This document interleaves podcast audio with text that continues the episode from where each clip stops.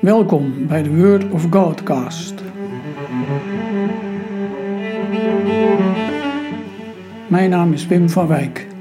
In deze podcast hoor je elke aflevering een meditatie over een Bijbeltekst, afsluitend met een kort gebed. Vandaag over kerk.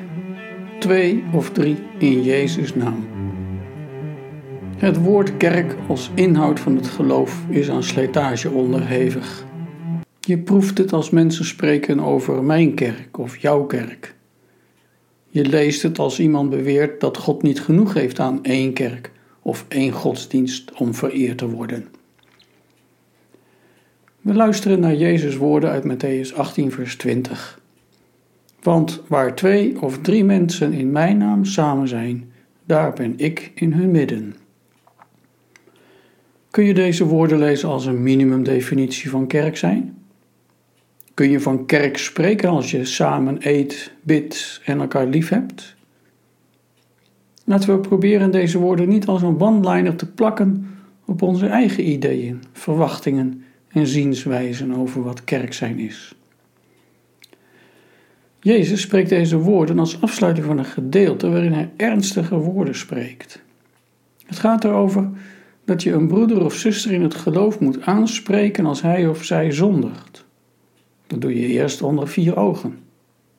Als ze naar je luisteren, heb je hen voor de kerk behouden.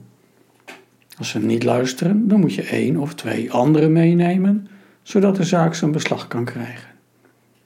Er moeten minstens twee getuigen bij zijn. In totaal dus drie mensen die de zondaar aanspreken. Heeft dat geen effect, dan moet de zaak aan de gemeente voorgelegd worden. Bekeren ze zich dan nog niet van hun zonde, dan moeten ze buitengesloten worden, buiten de gemeente. De kerk van Christus krijgt van hem de bevoegdheid om bindende verklaringen uit te spreken, waar de hemel zich ook aan bindt. In dat kader verzekert Jezus zijn apostelen van de verhoring van hun gebed en dat hij zelf in hun midden aanwezig zal zijn. Dat belooft hij. Het gaat in dit Bijbelgedeelte dus over een zaak van leven of dood, van zonde en bekering. Het gaat om een rechtsgeldig getuigenis tegenover iemand die in zonde leeft. En er komt nog iets bij.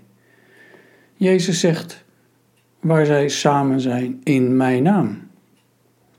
Daarmee zet hij zichzelf in het centrum van de godsverering.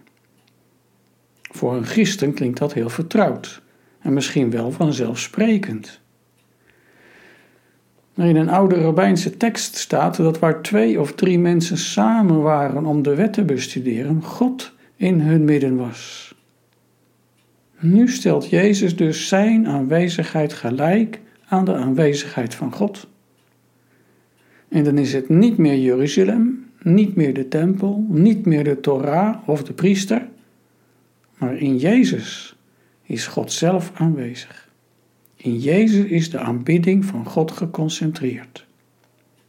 Als de kerk overeenstemming zoekt in een zaak, zal ze de Vader vragen en heeft ze de belofte van Jezus aanwezigheid. En de kerk zal overeenstemming zoeken met de leer van de apostelen, want via de apostolische leer is er de verbondenheid met de Vader en de Zoon. Zoals de oude apostel Johannes later zal schrijven. Wat wij gezien en gehoord hebben, verkondigen we ook aan u, opdat ook u met ons verbonden bent. En verbonden zijn met ons is verbonden zijn met de Vader en met zijn Zoon Jezus Christus. Ik nodig je uit na te denken over deze stelling. Jezus' woorden zijn niet bedoeld om elke willekeurige ontmoeting van christenen te labelen als kerk.